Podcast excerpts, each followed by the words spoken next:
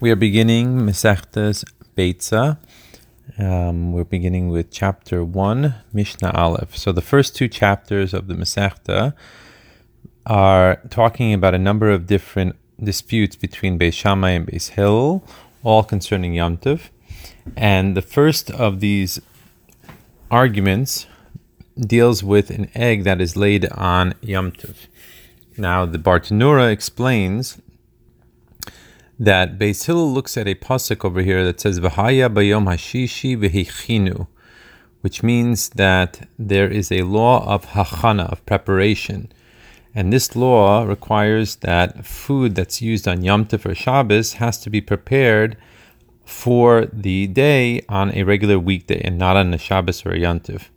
So therefore, if an item of food would be prepared on Shabbos for Yom Tov, then it would not be allowed. So, since an egg is essentially prepared in its mother, or in the hen, the day before it's laid, therefore, Beis Hillel is going to paskin that uh, an egg that is laid on, on Sunday, since it is, so to speak, prepared on Shabbos, would not be allowed.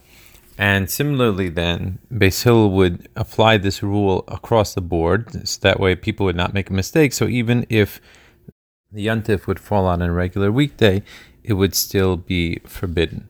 So that's the background for this first halacha. So let's read the halacha inside. Beit Sasha Nolda Yomtiv, an egg that was laid on Yomtiv that fell out on a Sunday. Beis Shammai Omrim Te'achel. Beis Shammai says that it is permitted to eat this because Beis does not uh, learn out from the verse about the requirement for achana, whereas Beis Hillel lo se'achel, Beis says it cannot be eaten because it was prepared for Yontif on Shabbos, even though obviously it was not prepared by a particular person, and therefore no malacha was actually done, but it was, so to speak, prepared. The second argument in the first Mishnah deals with Pesach, and it deals with owning or eating um, chametz on Pesach. Now, when we look at the pasuk, it says "V'lo lecha chametz, v'lo lecha seor b'chol gvulecha." You shouldn't see chametz or sourdough in your borders. Now, the point that is going to be argued here is that Beis Shammai is going to note that instead of just saying chametz in a general way, it brings out the point of sourdough as well. Sourdough obviously is a dough that has fermented to the point that it can cause another type of dough to rise. So Beis Shammai is going to point out that difference and therefore explain that the only reason why the Torah would have brought out both of these words, both chametz and sourdough, is to teach us that the amount of sourdough that one may own is different than the amount of chametz. So let's see it inside. Beis Shammai oimrim saor bekazayis.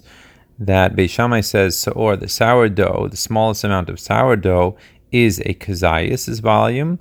The chametz bekosevis, and chametz would be a kosevis. Kosevis is a dates volume, which is a larger amount than an olive volume because sourdough is a more extreme um, case because it's able to make something else rise.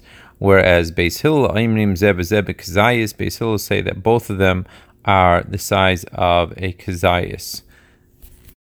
Now, this argument, although it's talking about Chametz on Pesach and not general rules of Yom Tov, is mentioned here because this is one of three arguments that Beis Shammai is going to rule uh, in a more lenient manner than Beis Hill.